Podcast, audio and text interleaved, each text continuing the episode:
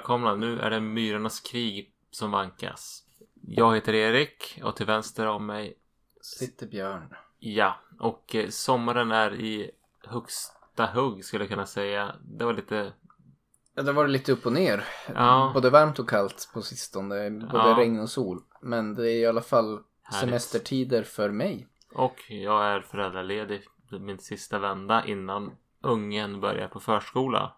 Kvällens avsnitt så blir det lite annorlunda upplägg än vad, vad den vane lyssnaren har hört tidigare. För vi har inte valt ut några speciella filmer som vi har sett och ska snacka om utan nu kommer vi att mer resonera kring vad för skräckfilm ska man bjuda på För den oinvigde. för den oinvigde eller för den kategoriskt mot den kategoriska motståndaren. Mm. Så det kommer bli en lite annorlunda känsla i det här avsnittet och vi får väl se hur, hur det faller ut. Om det här är något vi kommer fortsätta vidare på. Men med en annan vinkel senare. Men hur är läget med dig då? Jo men det är bra. Det känns som... Just nu är det ju lite semesterfeeling och jag har även hunnit få ut ganska mycket somriga aktiviteter ur min semester. Än så länge. Vi hade ju en eh, planerad semester till Island den här sommaren som gick i stöpet på grund av coronakrisen. Så att från början var jag lite deppad inför den här sommaren. Men med det sagt, min syster har kommit på besök och vi har spenderat mycket tid tillsammans ute i stugan och badat och grillat och, och spelat spel och liksom bara haft det ganska gött och mysigt så att det, det har varit bra tycker jag. Inte blivit så mycket film har det dock inte. Eh, faktiskt inte för mig heller. Det är väl egentligen ett bra tecken. Det är ju, jag tycker att det är väldigt kul att se på film och snacka om det. Men sen sist så har det varit sparsmakat. Men jag har ju hunnit med. Vi håller på att gräva bort en massa rabatter. Så just nu har vi en vallgrav runt huset där hemma. Det var och för sig lite spännande när vi kom till någon ett parti så kommer min sambo som hade då grävpasset vi turas om nu. Jag, ena är med ettåringen och den andra gräver. Så när jag var med ettåringen och eh, Annika grävde så kom hon så här till mig. Ja men Erik du måste titta på det här. Det är ju nästan lite läskigt. Jaha tänkte jag vad fan kan man ha hittat? En stor dagmask eller något sånt där. Men det var så kom jag dit och det såg fan ut som att bara, den första spontana tanken var det ser ut som att jag nästan måste ringa polisen. Mm. För det var som så här ett vitt rundat liksom så bara fan har vi hittat ett skallben här. Ja. Men det var som en stor jättestor rot som var som såg ut som Jaha. som jag liksom grävde runt den där. Men det var, tog ju som inte, inte en sekund innan jag insåg att det var en rot. Men det var som det första, man är lite skadad kanske. Ja, ja, ja. Nåväl, grävde loss när det var faktiskt lite läbb att gräva. Det kändes som något här body snatchers Jag tänkte att det skulle vara Sak. något dju- djurkadaver som ni skulle gräva fram där. Men... Nej men det här var någon livslevande rot. Jag tror att det är den som har Vi har en massa rosenbuskar som växt som ogräs. Mm. Och det här var roten till dem tror jag. Ja, ja, ja. Så det har varit en somrig aktivitet. Sen har vi badat och varit i Jämtland och Härjedalen på en veckas semester. Och tog vägen tillbaka en sväng förbi Hemsö fästning som ändå var värt. Man var tvungen att åka på en visserligen gratis men en bilfärja ut till Hemsön och sen så var det som en guidad tur i ett väldigt spännande bergrum. Mm. Och eh, ja men väl värt ett besök och är man inte sugen på kalla krigets historia så kan man stanna till bara i kafeterian och köpa lunch eller en bananasplitt eller någonting för det var väldigt fin utsikt därifrån. Trevligt. Ja, vi har ju hunnit en tur till stugan också och faktiskt haft en Tillsammans. filmkväll. Ja, Fast det var filmskörden då var ändå Exorcisten 3 såg vi som jag ändå tror att vi var överens om var underhållande åtminstone. det var som en, hade en första halva som var riktigt bra och trevlig. Mm. Någon riktigt bra och trevlig jumpscare. Sen så tycker jag det här eh, demoniska är jag lite ointresserad av. Ja, jag vet inte om det skrämmer mig inte så mycket och det kändes som att det bara harvade på med mycket liksom gud, gud och demoner prat på något vis som I don't know. Men jag, jag var ändå semi-nöjd med den filmen. Sen ha- hade vi några andra. Det var ju som rätt så regnigt den dagen så vi hann ju se några. Dead Zone var jag lite mer förtjust i än vad du var. Men jag skulle Mm. väl ändå inte ge den eh, högsta betyg ändå. Men den är helt okej. Eh, Stephen King filmatisering av David Cronenberg. Och vi får se en Christopher Walken i huvudrollen. En Christopher Walken i en ganska lågmäld roll. Han råkar ut för någon, en bilolycka och är i koma bra länge. Mm. Och när han vaknar upp i koma så visar det sig att han som genom att eh, skaka hand med folk kan se vad de hittar på i framtiden. Mm. Vilket skapar en del. En del intressanta konflikter. Jag tyckte det var ett intressant koncept. Jag tror att jag gick också in med lite grann en förväntan om att få se en mer livlig Christopher Walken. För mycket av det jag har sett av honom.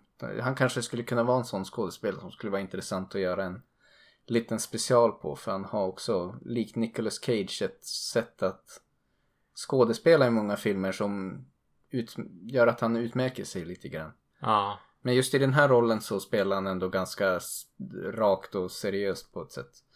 Som jag inte var stormförtjust i men det kanske inte hade passat sig att göra någon jättetokig rolltolkning. nej. Sen så såg vi mer på den här stugvistelsen. eh, Vad heter den här? Ghostwatch? BBC. eh, Ja, just det. Den var ju- Nej, BBC. Det som Mm. är som en... eh, Den, är, den sändes som en talkshow.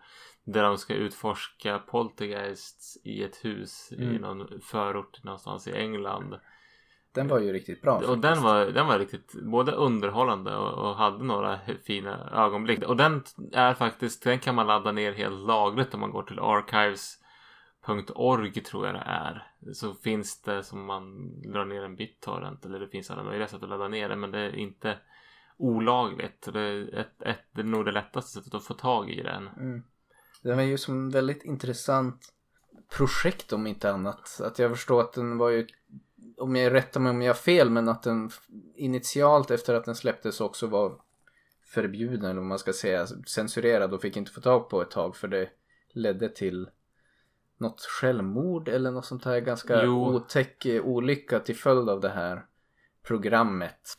Där de ändå, alltså egentligen utan att spoila för mycket, men de spelade ju väldigt seriöst. Som typ i stil av en vanlig talkshow fast med spökinslag. Ja, Och jag tror att när det sändes så gjordes det ju inte Gjordes det ju under premissen att det här är en helt vanlig typ talkshow där vi, Jo, det är som en mockumentär ja, sändning och eh, Och de spelade seriöst och de som spelar i filmen är väl sådana som de vana tv-tittare i England såg som bara vanliga film eh, vad säger man, talkshow hosts. Så det är väl inte, liksom inte skådespelare på det Nej men det är precis den här uh, Parkinson som, man, som är en känd talkshow Mm. eh, värld som leder det här. Så det, det går jag verkligen förstå att folk gick på pranket. Mm. Men, men det lite förödande konsekvenser läste jag mig till Ja. för vissa. Eh, som gjorde att det, det blev ganska kontroversiellt och försvann väl kanske från radarn ett tag. Det var du som introducerade mig för det här. Jag hade inte hört om det innan. Men jag tycker även när man vet att det är på låtsas så är det ändå en, en som en dokumentär skräckis välgjord film. Mm. Den var underhållande, väl värd att titta på. Sen såg vi på Campfire Tales eh, en DVD-utgåva som jag snubblade över på Röda Korset eller Myren eller något sådär för typ 10-15 spänn. Det Och den var väl inte riktigt värd det. Nej, det Nej. var knappt värd 10-15 spänn. Den hamnade i donationslådan ute i stug, stugföreningen som finns där. De har en sån här låda där man kan stoppa böcker och filmer och sånt som man inte vill ha längre. Ja. Eh, nej men det som var det roliga med, med den här eh, DVDn var att på grund av att jag hade glömt fjärrkontrollen till DVD-spelaren så kunde man ju som inte välja någonting i menyerna så vi fick dras med dansk textning så vi satt och roade oss med att försöka läsa på danska. Ja. Kors i röven, ja, det är det, det jag kommer ihåg från Campfire Tales. De sa mycket shit på engelska. Och då var det kors i röven. Då, det textade de alltid till kors i röven som jag tyckte. Jag vet inte. Det, det gav mig en litet leende på läpparna. Men filmen i sig var väl inte så... Det, var, alltså det finns ju kanske ett litet intressant koncept bakom filmen men skådespeleriet och skräcken och liksom historierna i sig är ganska ointressanta. Mm. Men det är väl lite en form av en antologifilm med en röd tråd av det här ungdomsgänget som sitter och berättar spökhistorier för varandra. Ja. Med en liten twist på slutet. Som inte en helt kast twist men allt innan är som... Det var väldigt tama berättelser ändå. Ja. Det har varit ganska magert. Jag såg Toolbox Murders för någon dag sedan.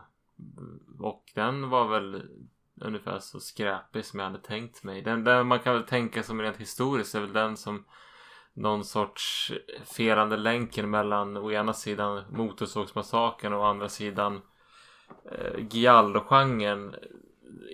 Mellan dem och den senare slasher med den klassiska halloween-slashern. Så det är en historisk synpunkt är det intressant på grund av det och att den var väl ett av de här trätoämnena i videovåldsdebatten. Mm.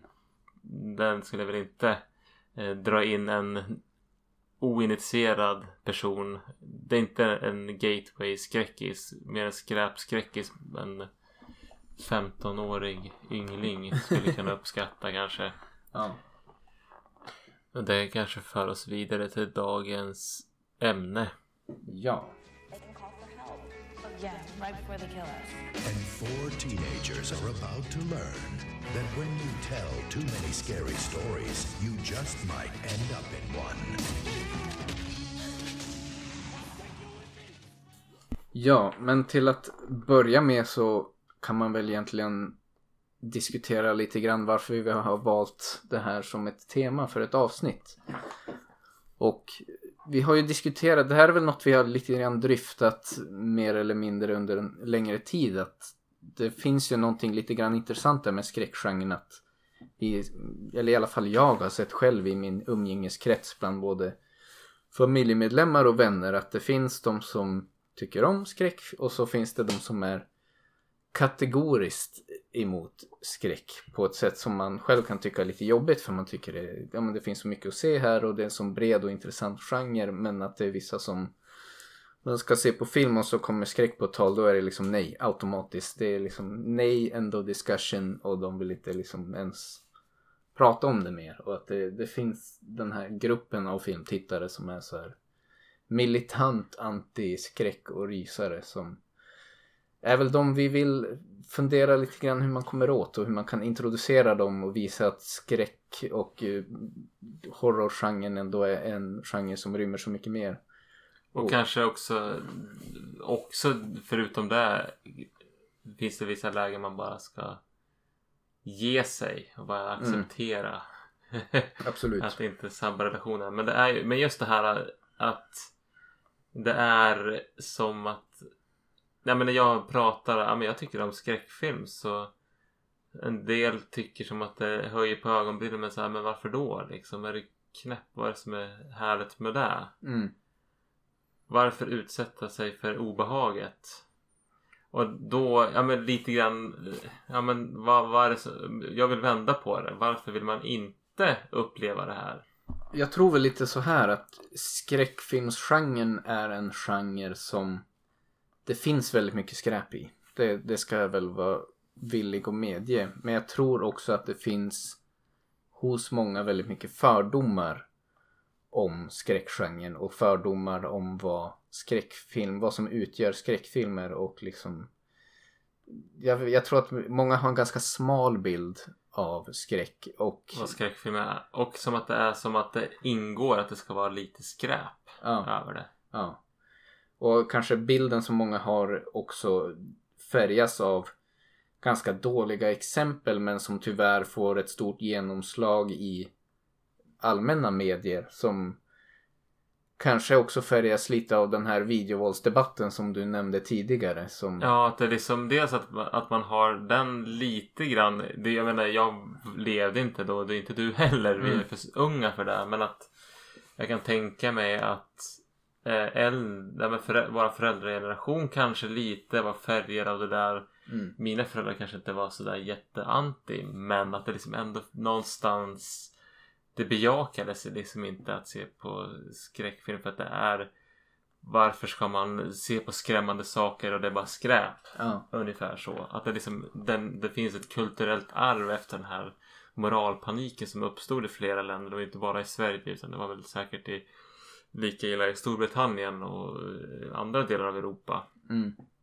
Ja, och så tror jag även idag, även om inte videovåldsdebatten förs på samma vis, så finns det många dåliga exempel av skräckfilmer som marknadsförs väldigt hårt på sin, vad ska man kalla det, shock value. Att det är någonting väldigt absurt och groteskt som är liksom det man försöker hooka in folk med och det blir ofta ganska omtalat som det spontana exemplet jag kom på när vi satt och spånade lite är ju Human Centipede till exempel. Och är det, som blev ganska mycket snackis när det kom och där hela liksom hooken är bara att det är något väldigt groteskt och äckligt som de ska utforska i den här filmen. Och är det liksom den bilden man har av skräck då förstår jag att man kanske inte är så intresserad och förstår inte varför folk vill titta på det här. Liksom. Eller för att ta ett, ett väldigt klassiskt exempel, Motorsågsmassakern. Ja, Som förvisso, jag menar, som har, folk har väldigt starka uppfattningar med Motorsågsmassakern. Det är ju så hemskt. De, så här, det är köttslamsor, det är motorsågar och det är ena och det tredje. Medan det är extremt lite blod i den. Det är nästan inget går alls i den filmen. Mm. Men tack vare, om man nu ska återkoppla till den här videovåldsdebatten. Då vart ja, Motorsågsmassakern blev totalförbjuden. Det var en av de här filmerna som man pratade väldigt mycket om. Mm.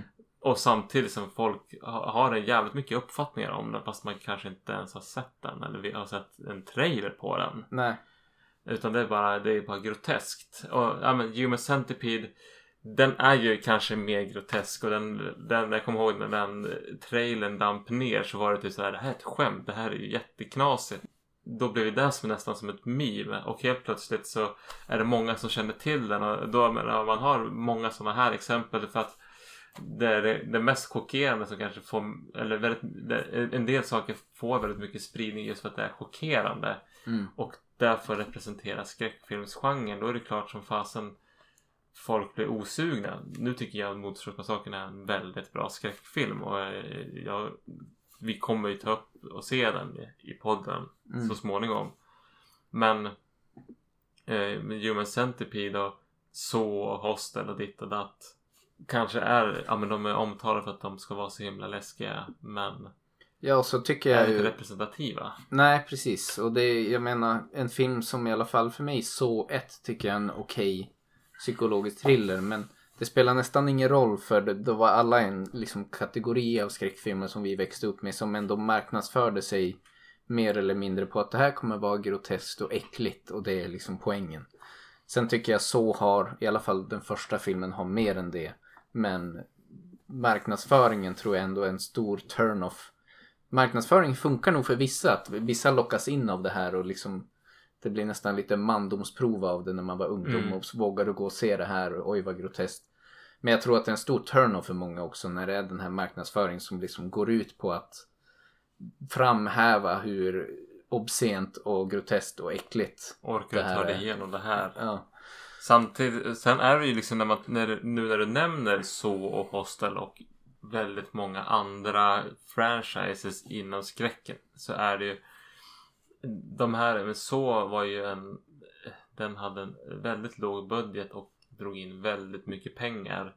Och det är många skräckfilmer som jag tror har tillverkats för att ja, men det är krävs inte så stora insatser ekonomiskt. Mm. Och men det brukar ändå Man säljer sina Blu-ray-kopior och biobiljetter och allt vad det är. Och det gör att det har kommit mycket skräp. Jag menar Nightmare on Elm Street. Första filmen är ju bra. Sen så är det ganska blandad kvalitet. Jag säger inte att allt i den franchisen är dåligt. Men Mm. det är väl en av de sig en som inte är den sämsta franchisen kanske. Men i ha- eh, Halloween är det samma sak där. Det finns någon bra i början. Sen så är det mycket man försöker prångla ut massa filmer för att det är ja, men hyfsat billigt och ger avkastning fredagen den 13. Ja men det finns ju hur många som helst. Så, Hostel, Ja. vi har Wrong Turn. Och det blir nästan en parodi på sig själv till slut. Och det är ju... Är det den bild man har av skräckgenren så är ju, förstår jag att man inte är intresserad. Men jag tror att det är mycket bra kvalitativ skräck och mystik och horror som går liksom under radarn för att det marknadsförs inte alls lika hårt. Nej, jag tror folk förstår inte. Har väl den här bilden av den här massproducerade varan. Och samtidigt så finns det ju många som vill ta sig in i filmbranschen och de gör det med skräckfilmer som språngbräda så de kanske inte bryr sig så mycket om resultatet utan det handlar om att få in en fot. Ja. Men det finns också de filmskaparna och skådespelarna och producenterna som ja men vi vill verkligen berätta en bra skräckberättelse eller en bra berättelse men vi använder också skräck. Mm. Och det är väl någonstans där vi vill hitta filmer som ska få nya tittare som har dömt ut dem. Mm. På tal om massproduktionen av skräck. Finns det ju en liten intressant funderation där också om Mm, många skräckfans kanske inklusive en själv är lite grann suckers. Där det ändå så här. Det är ju lite sjukt på något vis att det går att prångla ut liksom tio så-filmer och på något sätt hittar de alltid sin publik. Det verkar finnas en väldigt trogen skräckpublik som bara skopar i sig skiten. Hur mycket man än gör. Jo, ja, men dels ja, men, precis att man skopar i sig skiten och sen så finns det också eh, som det finns inom musik att man det, ibland är det kul att se, lyssna på musik som det här är ju dåligt så att det blir bra och eh, en del skräckfilm är dåligt så att det blir bra och en del skräckfilm är tongue-in-cheek alltså det är liksom det är dåligt på skoj. Alltså det finns ju många aspekter här att det Beror på vad man vill ha ut av filmen. Ja, och det kanske, ja men Evil Dead 2 kanske, ja men för en som inte är en inbiten skräckfan så är det väl det här är bara skit liksom. Mm. Men, ja, men kan man skräckens spelregler så blir det väldigt roligt. Mm. Ehm, och, fast det, och, och då är det, har ett annat värde. Men det, att, det, att det är lite svårtillgängligt också. Det, det finns, det är väl en sån nördigt subkultur kan det liksom ibland bli otillgängligt för att det det krävs lite, mot, lite ansträngning för att ta sig in där och då kanske en del inte ens försöker för att det, man tänker att det här är ju bara otäckt Ja. och skräp. Jag tycker ju lite grann i att det finns vissa likheter med komedi. Alltså, jag, jag inbillar mig, jag är inte så inbiten komedikonsument. Men det, som jag ser på det från the outside looking in så känner jag också som att det är en sån lite liknande genre. Där det också ofta kommer så här hitfilmer som massproduceras i evighet tills när man ser på det utifrån sett så förstår man inte liksom vart de hittar sin publik för American Pie 7 liksom och de, många av de här liksom college humorfilmerna också som Ja, det kanske är liksom lite grann samma där att det fanns någon guldklimp där i början med en väldigt träffsäker för sin sin generations liksom humor med American Pie 1 men sen har de bara prånglat ut fler och fler och fler och på något sätt hittar de också alltid sin publik som alltid bara vill konsumera det här även fast det kanske publiken själv också är villig att medge att det har blivit ganska skräp liksom efter ett tag. Och, och, och då blir jag också lite så att det, det, det kittlar mig lite grann eller retar mig lite grann när man det finns en del som dömer ut skräckgenren för att det finns de har sett någon dålig skräckfilm. Mm. Och att det är lite grann som att ja, men komedier det är dåligt för att jag såg en Tom Green-film. Mm. Och nej, men nu ska jag inte se några mer Mm. komedier. Och det tror jag knappast någon gör. Nej, Jag känner mig lite, nästan lite, inte kränkt, men det, lite, det känns lite orättvist. det är lite orättvist. Jo men det är lite, det är lite som du säger samma som att jag tittar på ja men American Pie 8 The Band Camp och sen dömer jag ut hela komedigenren för jag tyckte den var kass liksom. Men eh, det är väl mycket, mycket dåliga exempel på skräck som jag ändå tror får ta för mycket plats. för mycket plats åtminstone i, i debatten kring skräckfilmer. Och de får inte liksom samma utrymme. En del av de här guldklimparna går lite mer obemärkt förbi. Och en del skräckfilmer går ju inte nödvändigtvis obemärkt förbi men då är det som att de går förbi folk och folk förstår inte ens att de har tittat på en skräckfilm. Eller en rysare. Med en film som kanske, ja men The Lighthouse till exempel som vi såg ändå på bio här för något år sedan. Det tror jag ändå att det är många som skulle kunna, alltså De, det, ja, men det här är lite arthouse. Mm. Eh, Nej men det här är inte skräck så det är bra. Ja, att eh, folk registrerar liksom inte ens att det var en skräckfilm de tittar på för att de förväntar sig att skräckfilm det ska vara jump scares och gore. Och är Ja. det inte det, då är det inte skräck typ. Som att det är, tillhör lite grann normen, eller vad ska jag säga, konventionen att det ska finnas vissa förutsägbara element Mm. som finns i mycket skräckfilm. Men då blir det också tråkigt för att det blir förutsägbart. Mm. Men skräckfilm kan röra sig utanför den dramaturgin. Mm. Sen när jag, har, när jag pratade med Christian, han som har gjort signaturmelodin till den här podden. Han är ju som egentligen inte alls förtjust i skräckfilm. Och vi pratade om det här med skräckfilm och han bara nej, nej, nej, jag ser inte på skräckfilm. Mm. Samtidigt så, ja men när man liksom frågade honom lite grann, ja men Alien är ju bra, Ja. säger han. Ja men den, det är ju många skräckfilmer som är i den branschen. De är inte så mycket otäckare än det här. Ja. Men jag kallar det fortfarande för skräckfilm. Och eh, att, det, att många är ju som rädda för det här obehaget. Nu vet jag inte hur Alien var. Det var väl också en sån här som folk kanske svimmade på biografen. Men det är ju många såna här årets, eh, ja men när de marknadsförs i Sverige så hänvisar man till, ja men på biograferna så svimmade man när man såg Exorcisten och, det var Folk kräktes i biosalongen. och, och, och, och det är så hemskt. Och, eh, ja men, eller Paranormal Activity var ju, där filmade de ju till och med under en screening eller en visning av, av, av den filmen. Ja. Och fil, smygfilmade man publiken och eh, man såg hur rädda de var och att det var en del av Tjusningen. tjusningen med filmen. Så, så det är klart, det, skräckgenren lever ju lite grann på det här. Så det är ju som Ja, då kan jag ju förstå att många säger men jag vill inte vara med om något obehagligt. Mm. Eh, Ryggar tillbaka. Men obehaget kan vara på en annan nivå än att man liksom hoppar ur stolen av Mm. skräck.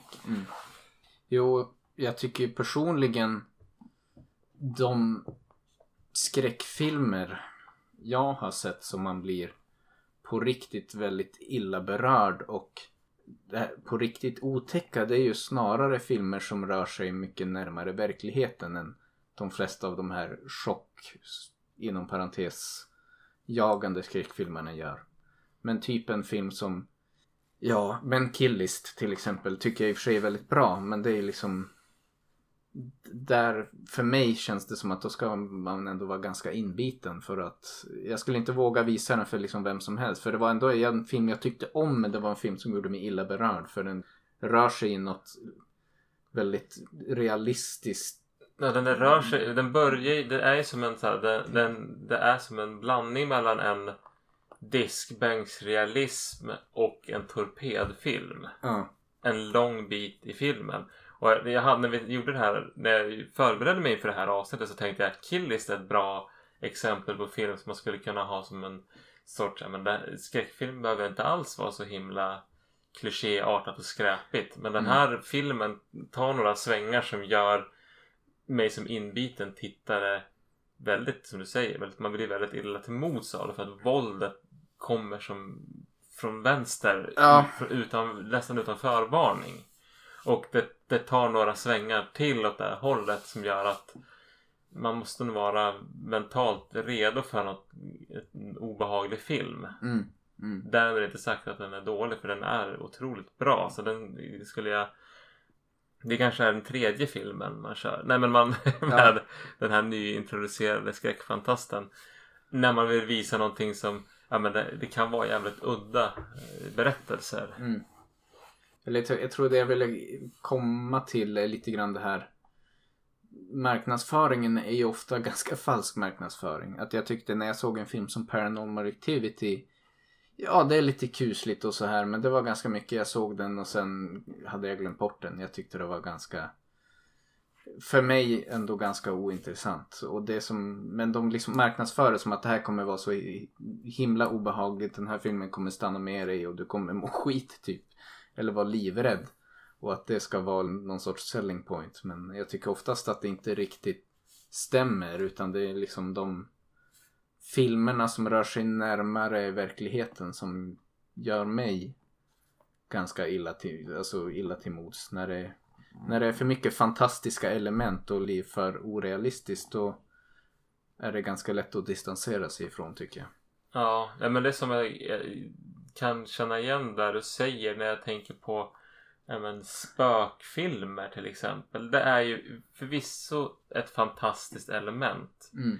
Men väl, en välgjord spökfilm eller rätt berättad spökfilm kan ju skrämma skiten nu. Men när det liksom är när den innehåller sådana element som i vardagen ser jag det här lite titt som tätt. Och så blir jag rädd för att ja, men, nu, jag kommer att tänka på spöken. Mm. Och kan då spela på det att det håller sig precis på rätt sida om gränsen. Från där, så att det, det, det inte är så lätt att avfärda. Ja. Då är det otäckt. Men det är väl det som kanske gör också att en film som Alien för många de registrerar inte ens det som en skräckfilm. Även att, fast den är liksom strukturellt sett är ju, det är en slasherfilm.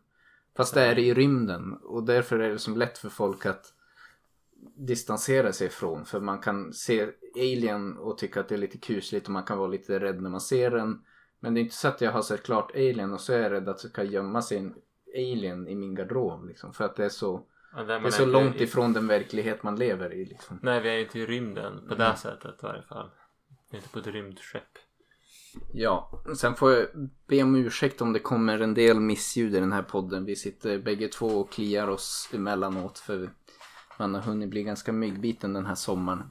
Jo, jag var och plockade hjortron igår och det har varit ungefär lika många myggbett som hjortron. Och det har blivit väldigt mycket hjortron.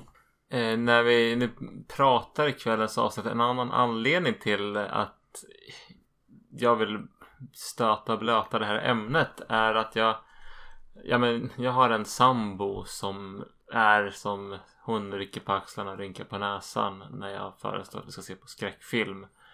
Och eh, jag har inte riktigt hittat in där. Jag, jag känner visst, vi har mycket andra saker gemensamt. Men musik och filmsmak är det väl si och så med. Det är som jag som får ge mig för det mesta. Och så ser vi på någon ganska seriös drama. Som för det mesta är bra. Så det är inte så att jag har det dåligt. Men jag skulle vilja liksom också att vi kunde hitta någon skräckfilm vi såg tillsa- ser tillsammans och bara ha det väldigt trevligt med. Och jag försökte med det här någon gång för ett halvår sedan kanske och vi gjorde Banana Split och vi slog på Ungen sov och vi slog på Possession som är en från början av 80-talet och utspelar sig i Berlin.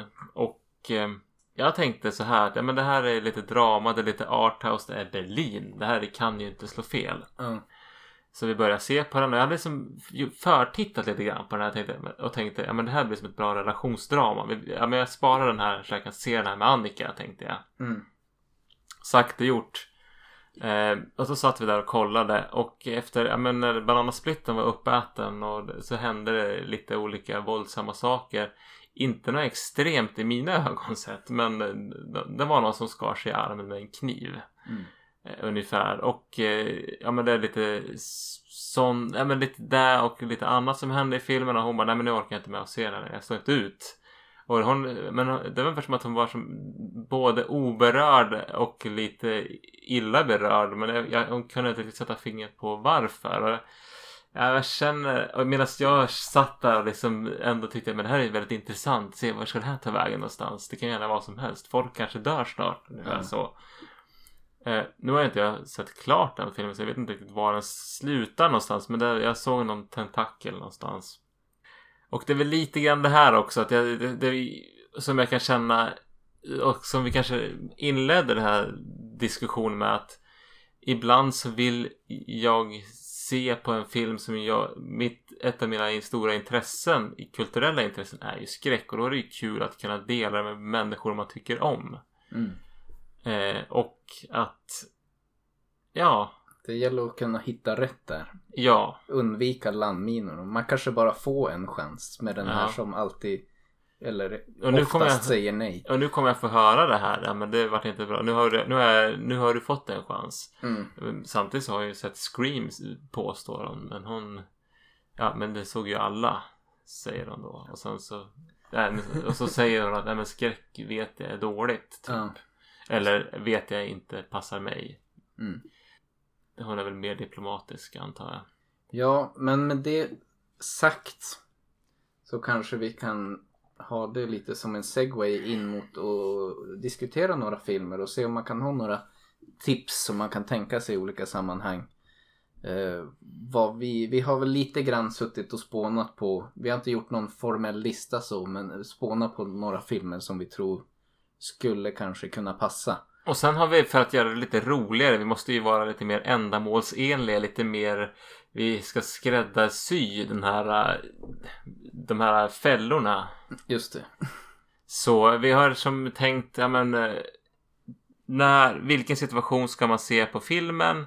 Och vilken film är det man ska se i den situationen? Och vem är offret? Eller Vem är det man ska titta med? vem ska man titta med? Vi ska ju inte se dem som offer. De är ju de utvalda. Precis. Vi ska ju sprida ordet. Ja. Exakt. Men eh, vi tar oss an några tips helt enkelt.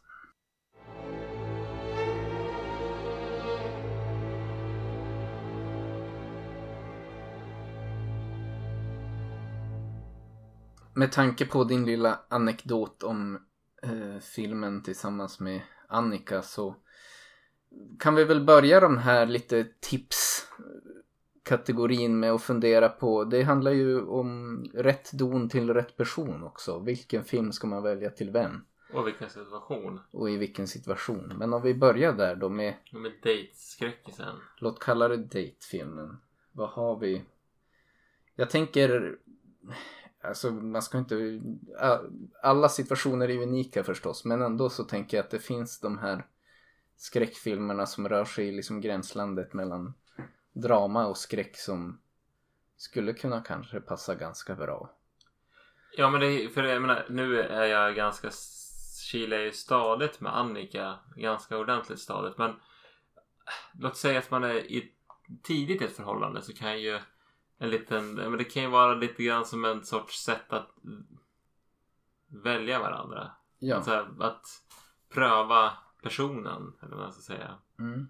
Men, men sen så får man ju välja hur hardcore skräckgalning vill man vara tillsammans med. Men eh, jag tycker väl att så det är väl inte riktigt det som är huvudpoängen utan det är kanske mer att man ska kunna dela lite grann. Att ibland så kan du se en skräckfilm som din partner vill titta med Mm. dig på.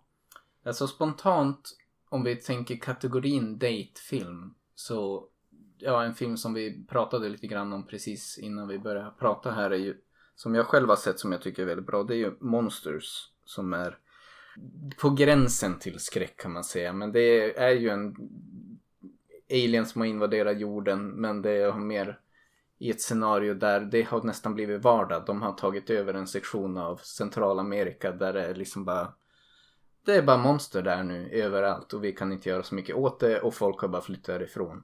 Mm. Och det är några som ska försöka ta sig igenom den här infekterade zonen som den kallas för att ta sig tillbaka till Amerika. Men som var, jag trodde det skulle vara bara en liksom monsterfilm men det visar sig att det var ett ganska fint drama om bara hur det har blivit för alla som lever kvar i den här. Det är ju typ Guatemala tror jag det föreställer som de är i och väldigt mycket fattig befolkning som inte har kunnat ta sig därifrån och bara behövt försöka leva vidare och skapa en ny vardag och verklighet i symbios på något vis med de här monstren som var ganska fint. Det var, det var en film som ändå berörde mig lite grann på det mänskliga planet och den skulle jag väl ändå säga som ett tips. Sen skulle man ju också kunna, jag, var lite grann inne på, eh, ska vi dra sjätte sinnet kanske? Ja, För det tycker jag ändå är en, den passar, den är lite, lite mysig stämning i den. mm. Den är inte så fokuserad på att skrämmas även om den innehåller en del skrämmande bilder. Och den har ju ett mysterium, den har ett drama, den har relationer som gör den, det finns en del att prata om där.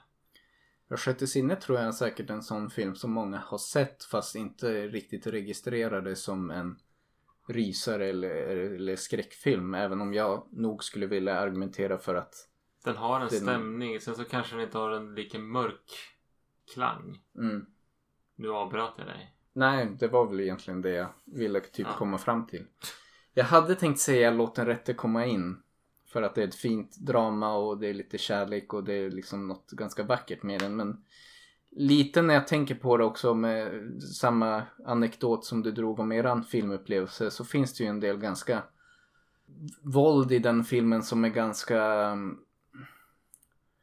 jag vet inte hur man ska säga. Det, det liksom bara kommer och är ganska i en ganska vardaglig realistisk miljö som gör det ganska chockerande och kanske för en det- del svårt. Och, För en del svårt kanske, men med det sagt så tror jag liksom att låta den rätte komma in. Det var en, romanen är, var ganska omtalad när den kom och filmen var också omtalad när den kom. Så är den här dejten man är på, jag den inte sett den och så kanske den ändå, ja men jag ska väl ändå se den. Alltså det är kanske lätt att få med sig. mm, Och förhoppningsvis så är den inte så skrämmande att tittpartnern blir avskräckt. nej. Alltså som sagt jag vet att jag tyckte den var ändå jag har ju läst hans böcker och sett filmen och jag, Mm. de har ju tonat ner jag tror det är ännu Boken mer tycker- chockerande i, i boken. Boken tyckte jag var, chock, väldigt, Ja. var chockerande. Ja. Just för att man har den här kontrasten mellan ganska vardaglig svensk miljö och ganska visceralt brutalt våld. Men de har tonat ner mycket av Och, våldet i eh, filmatiseringen. Annat, nej, men pedofili och grejer också som var väldigt obehagligt. Ja. Det beror på vilken dejt och hur väl du känner dejten. Jag kanske skulle visa den för någon där man ändå har lite feeling för situationen och vad som kan passa sig. Jag tror en Ja. del skulle fin- tycka att den filmen är ganska obscen och chockerande för att det finns en del. Jo. Ja men Men, ganska... därmed, men så är det den dejten som inte tål det. Är den värd att satsa på? kanske så. Jag vet inte men jag, jo. Ja. Lake Mango. Lake Mango tror jag är bra. Den är, är ju mysig och innehåller ju väldigt mycket sorgedrama. Ja. Nu låter det... Det här är också en sån här sak. Om jag ska hänvisa till min och Annikas diskussioner. Att jag brukar som när jag presenterar en skräckfilm som jag vill se med henne så brukar jag alltid säga men det är lite drama i det också. Mm. Men med det sagt, Lake Mango har ett bra drama men den är också ryslig. Ja, verkligen. Och väldigt spännande. Den har både drama, mysterium och lite eh, bra skrämseleffekter. Det, är, det är ganska sparsmakat med dem och det, det dröjer. Men det, jag tycker att den är en bra payoff för den. Ja, det gör det som ännu mer effektivt på ett sätt. Det är en film som jag tyckte var ganska kuslig men som kanske andra inte skulle tycka är så kuslig. Men som inbiten skräcktittare så var det ändå en film som tog mig lite off guard med hur de har Ja, du pratar om payoffen. Jag tror att vi tänkt på samma sak. Men det är just att man bygger upp så väldigt eh, långsamt till det och jag vet inte. Den, ja, den, Den är bra utan att på något sätt vara obscen eller äcklig eller liksom otrevlig på något sätt. Men den har bra rys, ryslighet i sig liksom. Och den har en berättelse som utvecklar sig olika till höger och vänster. Så den, den tappar ju inte riktigt någonsin styrfart tycker jag. Även om tempot är långsamt. Ja.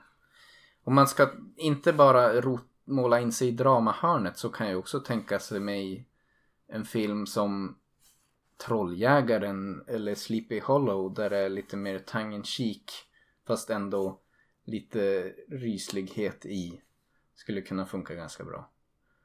För en typ datefilm, kanske.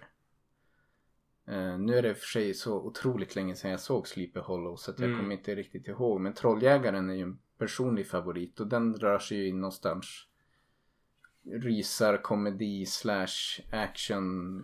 Jag vet inte riktigt footage. vad. Men den är, den, och den är väldigt rolig. Ja. Den, den är kul. Ja, absolut. Den skulle jag nog kunna dra. Så ja, men eh, vad gör en bra datefilm? Det kanske är liksom lite, vad säger man, presumptuous att tänka att det måste vara en drama, en dramaskräckis. Men Men jag tror lite grann när vi har tagit upp de här filmerna så handlar det också om att vi vill ha båda, men det är, det är inte, egentligen kanske inte så mycket att det är dramat utan det är också lite grann stämningen. Att det är liksom, man får lite myskänsla. mm, absolut. Men om vi hoppar vidare till scenario nummer två då. Om vi tänker oss. Ja men det är att säga att du och jag vi, vi är sugna på att se skräckfilm och sen så vill vi också hänga med någon av våra kompisar. Ja, ett scenario som har uppstått några gånger. Ja, och det är kanske också där vi har fått lite grann Vatten på vår kvarn. Ja. Ja, och det, det är flera stycken av våra kompisar som är så nej, Nej, det går inte.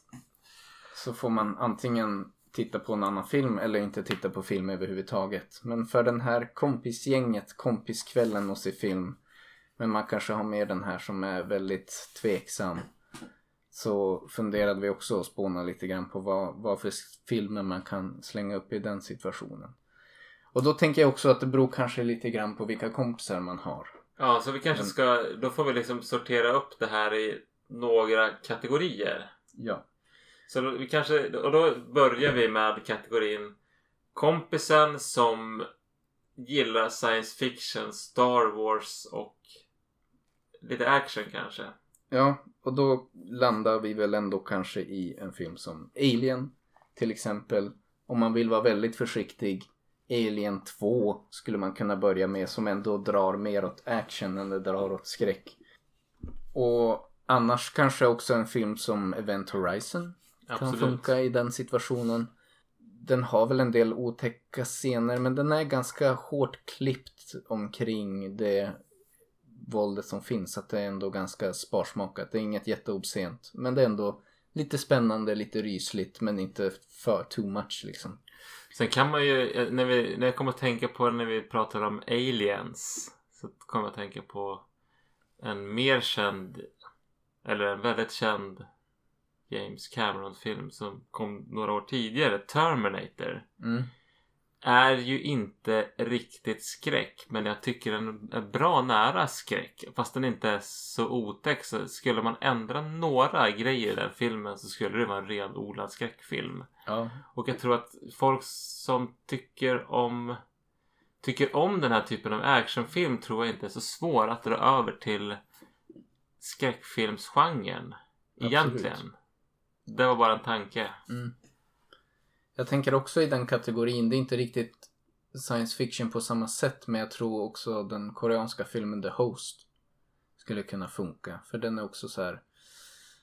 Ja men det är ganska mycket lite äventyr, action över det. Även om det finns liksom skräckaspekter. Men det handlar ju om någon familj vars barn blir tagen av något monster som har kommit till i kloakerna. Och så får de inte riktigt någon hjälp av staten eller regeringen eller whatever att kunna jaga rätt på det här monstret så att de bestämmer sig för att ta saken i egna händer och ge sig ner efter och, och jaga det här monstret som är jag tycker ändå väldigt bra film och som jag minns, nu är det ett bra tag sedan jag såg den men så ändå håller sig ifrån något väldigt groteskt våld eller jätte liksom jobbigt så utan den är spännande och lite ryslig bitvis men ändå förhållandevis snäll. Och den kan man väl sälja in för att det är samma som har gjort Parasite. Just Som det. har gjort The Host. Mm. Intressant titulering av båda filmerna. Om man tänker på dem Ja. samtidigt. Jag har ju inte sett Parasite. Fast jag inbillar mig att Parasite är kanske lite mer obscen. På en del sätt kanske. Den där känns ju väldigt... Den är inte så skräckig. Den har några sekvenser som är otäcka. Mm. Men sen är det som ett, ett väldigt Hitchcock-drama om man nu ska hitta en konstig formulering för att fatta mig kort. Men en väldigt spännande film som tar upp klass. Jag kanske inte kan säga så mycket som inte redan är sagt av den. Det har varit mycket prat om den. Jo, den var, den var väldigt omtalad. Det var en sån där film som jag var väldigt taggad på att se och sen han alla som jag kände och deras moster iväg och se, såg den innan jag hann se den och då nästan tappade jag intresset lite grann. Vi försökte ju få med dig, jag och Mats. Ja, det sket sig. Jag, hade, jag skulle ju gå och se den med min mamma men då smeg hon iväg och såg den utan mig. I alla fall, om man tänker den här kompisen som gärna kan titta på lite deckare och thrillers då. Vad slänger vi fram då? Eh, jag vet, du kanske inte märkte på mig men jag tittade som ut genom fönstret för en stund sedan. Eh, det här är lite off topic men det är absolut värt att prata om. Jag tittade ut genom ditt fönster som vi för ovanlighetens skull har vickat upp persiennen på. Då kan jag som se en, en person som gick så långsamt och väldigt ofokuserat men med rak riktning mot det här fönstret. Precis som i It Follows. Ja, just det. Det var lite obehagligt. Sen så insåg jag att den tittade ner i mobiltelefon. Så när jag tittade upp i sin mobiltelefon så tog den en ny riktning och vart lite mer Ja. mänsklig i sin gång. Det är också därför jag oftast har persiennerna nere. Och också dörren till det här lägenhetshuset är precis bredvid det fönstret. Så att de som kommer och ska gå in i huset går liksom rakt och stirrar in i rummet här. Lite It Follows. Lite It Follows. Ja, men eh, du var ute efter en film till de som gillar deckare och dylikt. Vad, men vad är det då man ska presentera för film? Ja, gärna något som är... Ja, polis ska väl kanske vara inblandat men det måste inte vara inblandat. Men det jag tror att det ska vara när man, man utreder någonting. Mm. Menar, att Seven tycker jag ju rör sig i gränslandet även om jag tycker inte att det är en renodlad skräckfilm. Mm. Och den skulle väl kanske inte funnits om det inte vore för När lammen tystnar. Som jag faktiskt tycker är mer av en skräckfilm. Sen så kan man ju argumentera för att båda är skräckfilm. Och man kan argumentera emot det. Eh, och eh, Eh, det kanske, man kanske kan hävda att eh, När lammen tystnar inte är en skräck för att det finns inga övernaturliga inslag. Men när man ser Hannibal Lecter och hans monstruösa egenskaper så tycker jag absolut att det är en skräckfilm. Och sen så är den här um, seriemördarjakten och seriemördaren Ja men den kanske kan vara som en vanlig seriemördarfilm men jag tycker nog ändå att den här innehåller tillräckligt många skräckelement. Det finns ju en sekvens i slutet med Mm. en eh, mörkerkamera bland annat som är otäck. Och det finns också sekvenser med obehagligt våld. Men eh, många som argument, argumenterar för att det här minsann inte är en skräckfilm. Det är ungefär som att ja, men får man en Oscar och är bra så kan det per se inte vara en skräckfilm. Nej, och lite som du själv nämnde så tror jag att många har den nidbilden också att det måste finnas några övernaturliga element för att det ska kunna räknas som en skräckfilm. Men jag vet inte, för mig personligen så känns det mer tonen på något vis som Tonen Avgör. och något monstruöst. Vi har ju monstruösa karaktärer. Men som du säger, tonen, absolut. Och där tycker jag väl, som du också nämnde, att för mig känns eh, Seven mer debatable än När lammen tystnar. När lammen tystnar i min bok är en skräckfilm. Seven är skräck-adjacent kanske, men det är lite... Ja, på sätt och vis är det ju kanske lite av en föregångare till filmer som så också. Den felande länken mellan Lammen tystnar Ja, och så. Nåväl, i den kategorin själv, en personlig favorit jag har. Som är, om man nu ska försöka plocka fram något som folk kanske inte har sett, det är ju Session 9. Den tycker jag är en riktigt bra, kuslig thriller, liksom mysteriefilm. Som, Absolut. Och den eh, har faktiskt, eh, den har ju en, nu vet jag inte vad han heter, men det är en person, en av de viktiga, en av huvudrollerna i den filmen, han är ju med i CSI Ja, Miami tror jag. Eller, ja men jag tror det. Och där tror jag gjorde att min far som är en riktig deckarfantast hyrde den här filmen och det så jag såg den första gången. Mm. Och sen är den lite av en, man får ju som lite spökhuskänsla av den här filmen. mm. Och den är bra. Den anspelar på övernaturliga element men det är som behöver ganska mycket ambivalens i det. Ja, liksom. mycket ambivalent film. Men det handlar om några som ska renovera ett mentalsjukhus. Och de, egentligen är det ganska mycket bara ett personligt drama mellan de här olika karaktärerna som håller på med den här renoveringen. Men i bakgrunden så har de ju också hittat under renoveringen massa band med inspelningar från intervjuer av väldigt svårt mentalt sjuka personer som liksom finns där och lite grann pågår i bakgrunden och det, det är som en story nästan i de här banden som pågår parallellt med att dramat mellan de här karaktärerna som är där och renoverar också utvecklar sig. Som ger en ganska kuslig ton. Ja. Men utan att vara liksom för mycket och utan att vara groteskt så ja, jag tycker att det är en, det är en bra film som jag tror kan passa många. Sen tycker jag om man ska dra fram en gammal klassiker ur garderoben så är ju Omen. Tycker väl jag har lite av en deckarkänsla. Det är ju Damien som adopteras till en, fam- en framstående familj som bor i en amerikansk familj som bor i England. Diplomater. Och det händer en del olyckor och man får ju som följa familjefadern som spelas av Gregory Peck. Mm.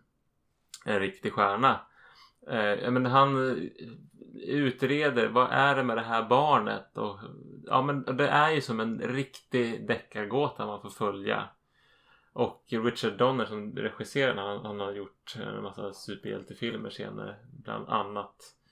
Han hävdar att det inte är en skräckfilm men det, det är klart det är en skräckfilm. Det handlar om Satans son. Det dör folk på spektakulära sätt. Mm. Men den är lagom otäck.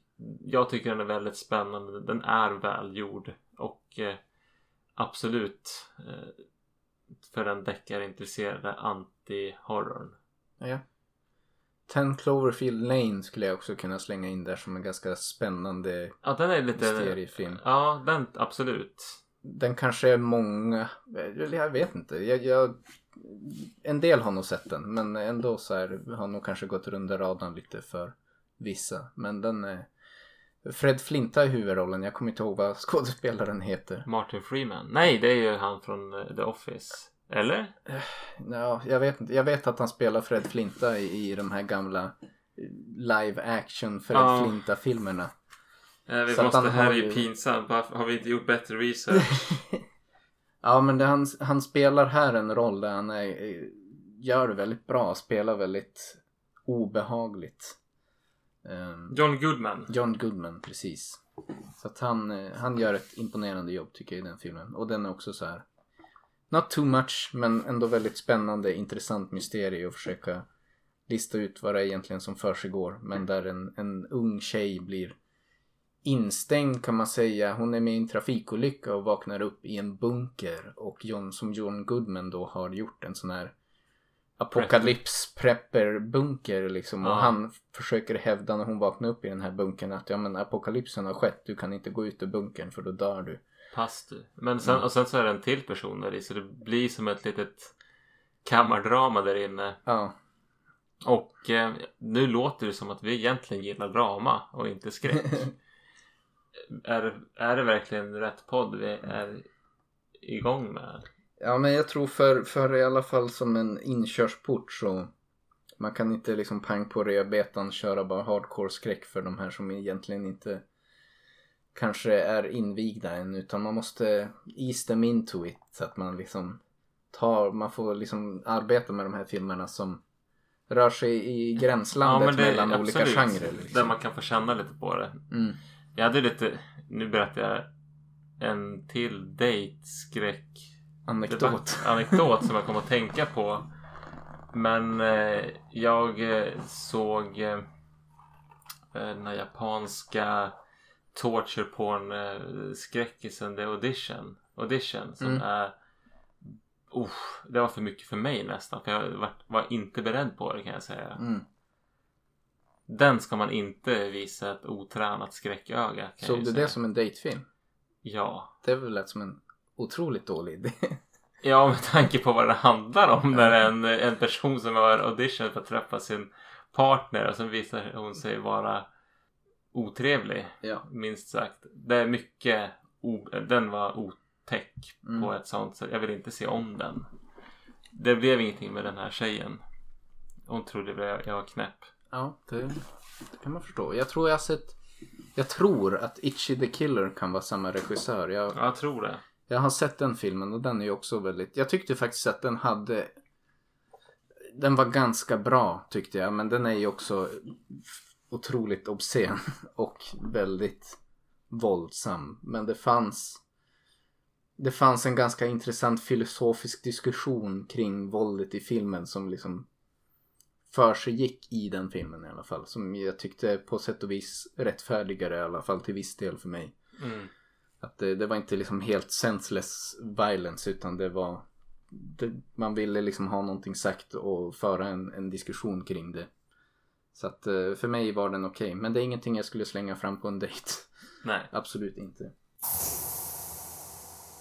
Sen om man har det lite spretigare gäng eller man vill ha det lite mer allmänt men ändå inte köra så hårt med, men man är ändå sugen på lite grann de här mörkare berättelserna så är det ju säkert aldrig fel att köra Psycho eller Vertigo eller Fönstret mot gården eller för all del Repet. Ja. Det är som fina Hitchcock-filmer som är väldigt spännande som tar upp mord men det är ändå på ja men som vi har pratat tidigare avsnitt en del av de här äldre filmerna som ska vara skräckfilm det är som ändå liksom en, det blir en annan ton i det som gör det lite mer lätt att ta sig an dem. Ja, Och det har man ju också tycker jag i den här uh, The Invasion of the Body Snatchers från 50-talet. Att uh, de står och dricker sina, sina drinkar i filmen igenom och diskuterar vad det är som händer med de här konstiga kropparna som dyker upp och ditt och datt. Invasion of the Body Snatchers på tal om datefilmer är ju en av de filmerna som jag har fått min fru att gå igång på ordentligt. Mm. Som hon tyckte var riktigt bra. Det är för mig personligen en film som jag tycker är ganska obehaglig bara för att konceptet i sig är så obehagligt med att liksom någon nära en förändras på ett ganska subtilt sätt men som man ändå liksom att man börjar bli misstänksam mot sina nära och kära. Den idén det kallas ju Body Snatcher-filmer för att The Invasion of the Body Snatchers var lite grann den filmen som introducerade konceptet men för mig är det ett otroligt otäckt koncept. Ja, själva scenariot tycker jag är obehagligt men Men filmen ser, i sig, ser man på filmerna så är det det är inte våldsamt och det är inte Nej. skrämmande på det här mer direkta sättet utan det är mer att det sätter igång ens, ens tankar det är Mm. otäckt. och tiden tycker jag och sättet att göra film är så pass annorlunda att det går ganska lätt att distansera sig ifrån. Det liksom känns nästan som att de utspelar sig i en annan värld. Ja, det, det känns nästan cheek fast det nog inte är det. Ja. Så att, eh, jo men det, det tror jag kan vara en bra idé. Det beror lite grann på gäng skulle jag säga. Så, så här, vissa kompisgäng kan ju tänka sig Alltså många av de här filmerna är ju lite långsamma och liksom harvande tror jag det skulle kunna tycka. Om man inte har, är van att se äldre filmer också. Att det kan vara Jag vet inte, jag tror att en del är liksom van med den här moderna filmen som ska liksom sätta igång och explodera inom 10 minuter har man annars har man tappat intresset. Ja, ja men det, det, det är ju ett, ett ämne för en egen podd som kanske inte är inne, vi kommer någonsin ta upp. Men just det här folks aversion mot filmer som är äldre än fem år gamla. Och är de äldre än fem år gamla då är det en gammal film. Ja, Ungefär. Nej men det är just för att man, man är liksom van med det, med det uttrycket som är just nu. Och Mm. inte det som känns fräscht Mm. på något sätt. Men Ja men man kan gå tillbaka i historien. Det finns mycket annat. Spiraltrappan. spiraltrappan. Ja, Ja. ja men, Nej, och för all del The Haunting.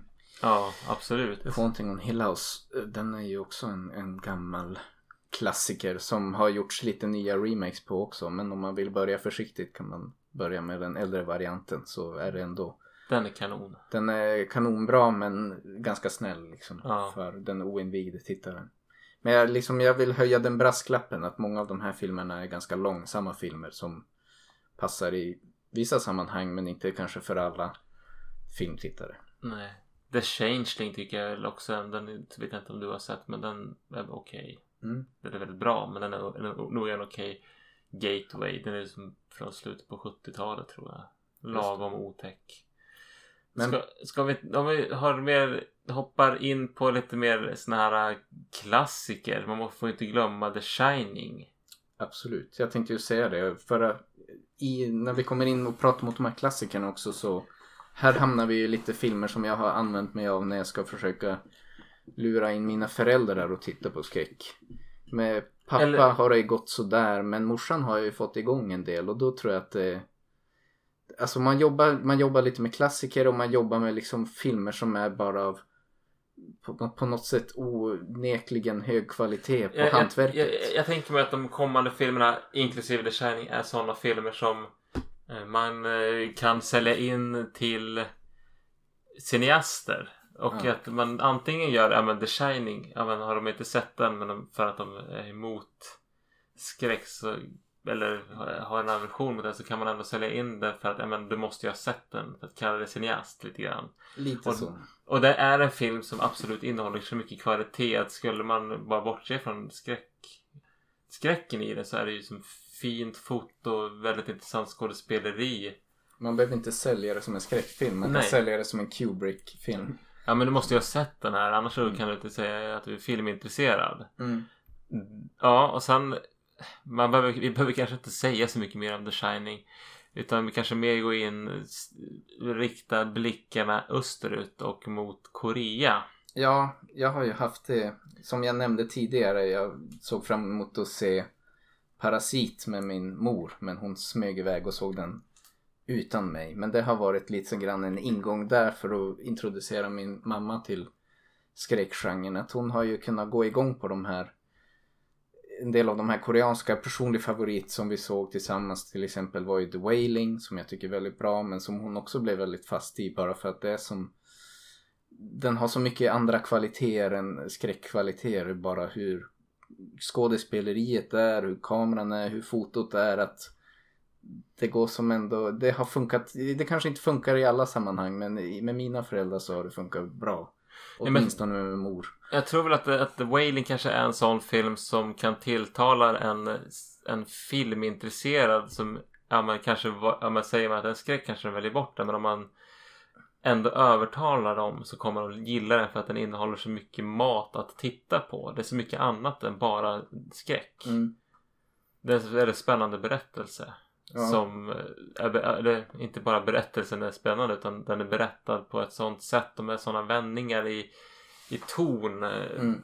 Ja, Jag tror för en del, min mor inkluderat, så är det också lite grann det här man är trött på västerländsk film och man kan bara sälja en film på att ja men det här är någonting annat än liksom standardfilmerna som går på bio om och om igen och är liksom ganska familjära. Att Ja. eh, folk, en del är bara ute efter att se någonting som känns lite annorlunda. Jo och sen det gäller ju samma sak gäller ju med Thirst som Mm.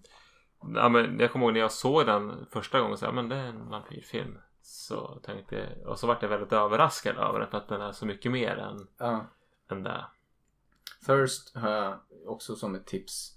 Med lite reservation för att den har en del lite otäckt våld. Men som sagt, rätt don för rätt person. Men den har en del lite obscent. eh, Lite groteska scener.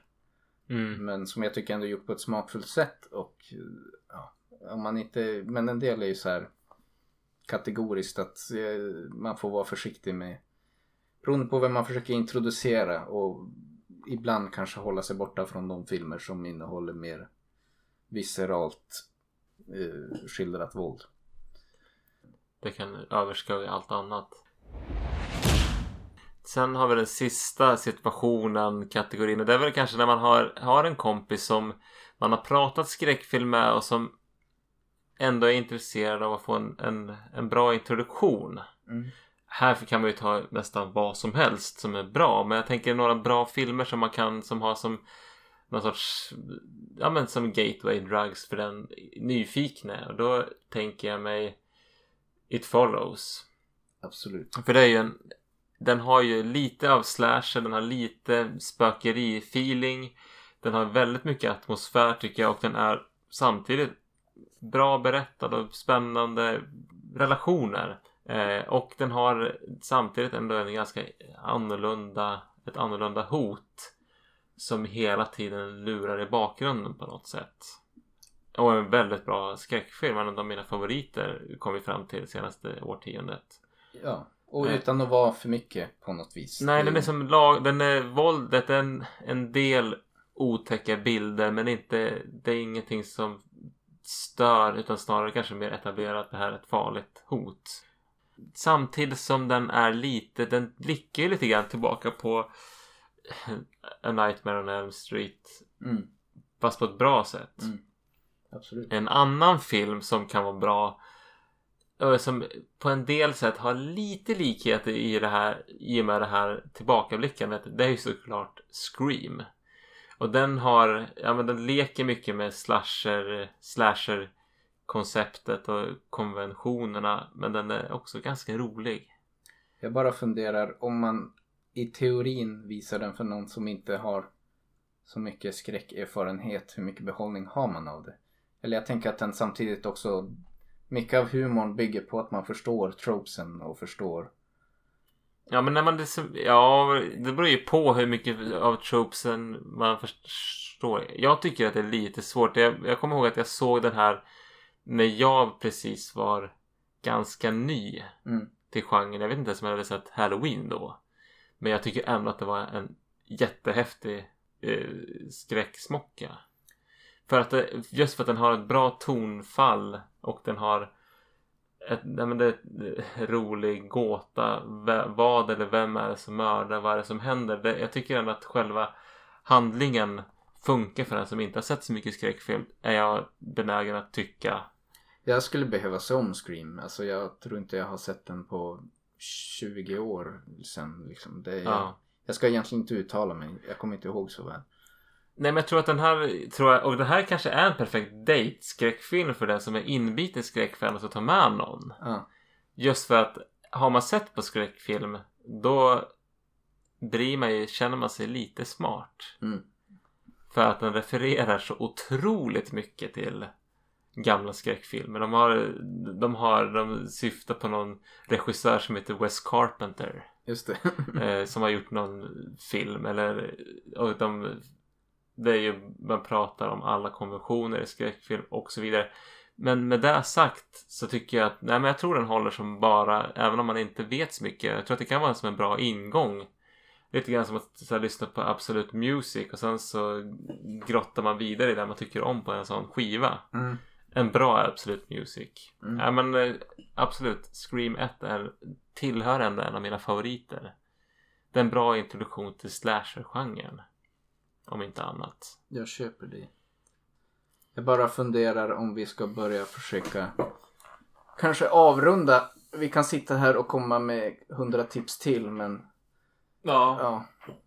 Ni, ni hör vad vi far efter. Det, jag tror att den röda tråden ändå lite grann landar i att fundera på vem det är man ska visa filmen för och sen kanske röra sig lite grann i filmer som är lite genremixer. Att man, man ease them into it genom att introducera en dramafilm med skräckelement eller en komedi med lite skräckelement eller en thriller som rör sig lite närmare skräckgenren. Att man tror jag i alla fall ett bra sätt att jobba in folk och introducera dem för skräcken på ett sätt som kanske kan funka. Vi får väl se. Men Ja, att, och sen så har väl när jag har gjort mina försök på min sambo är det att man kanske ibland får acceptera att inte alla älskar skräckfilm.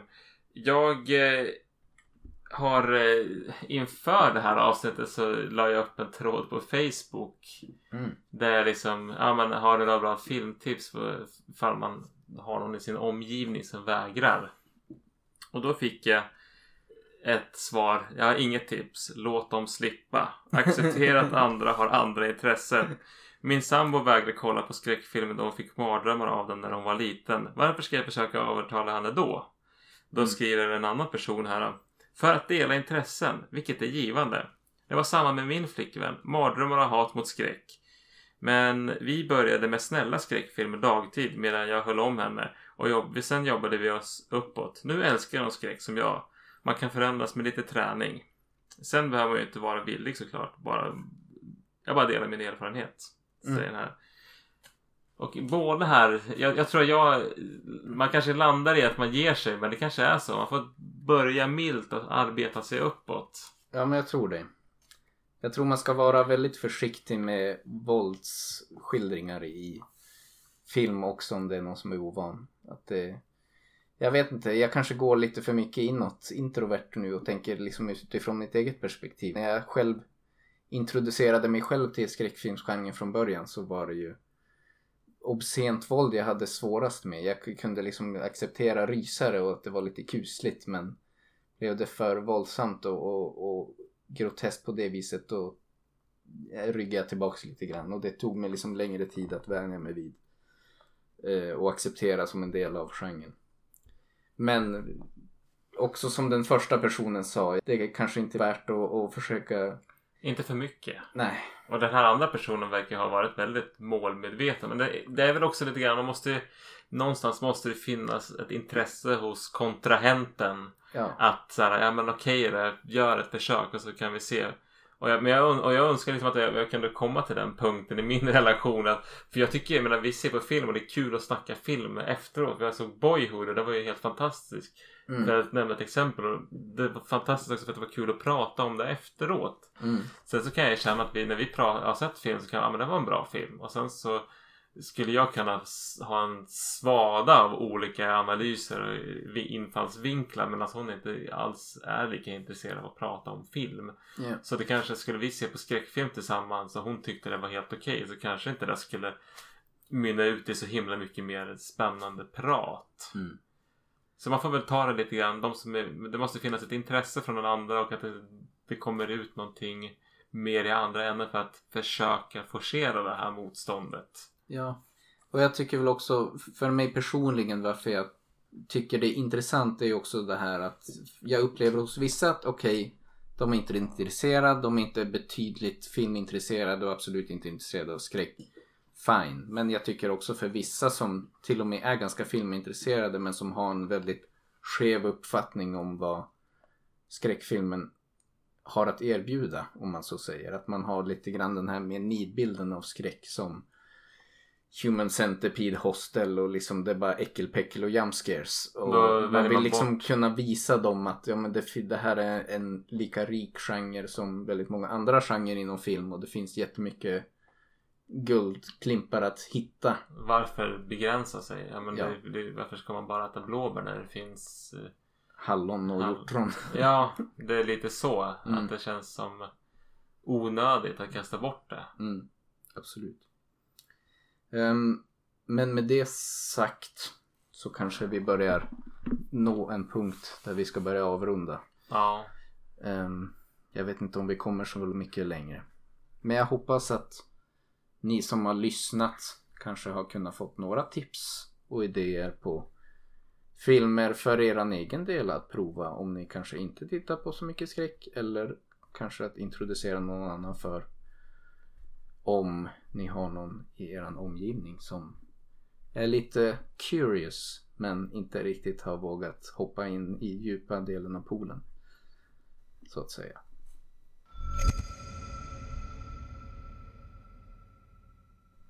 Vad vi har på tapeten framöver låter vi bara osagt. Det är lite svårt här på sommaren tycker jag att ha god framförhållning. Ja, i ärlighetens namn så har som sagt sommaren har gått till sommaraktiviteter. Jag har inte riktigt... Jag har kommit ur mitt filmtittande lite på sistone så man får se. Jag vill inte heller måla in oss i ett hörn utan vi får se kanske lite grann vad, vad vi är sugna på när det börjar dra ihop sig. Ja. tänker jag. Men eh, det vi kan eh, väl mer eller mindre lova i alla fall är att vi syns om en månad igen med en ny podd. Ja. Jag får tacka alla som har lyssnat och så Dela, sprid ordet. Vi finns på Apple Podcasts tror jag. Spotify, Acast, Podbean. Ja, lite här och var. Skriv till oss på Facebook eller på någon av våra mejladresser. Jag stavar Erik med C och min mejladress är erik bobhund.nu Om du skickar in ett mejl och med ett önskemål om film så kommer jag ta det i beaktande. Eller Absolut. vi kommer ta det i beaktande.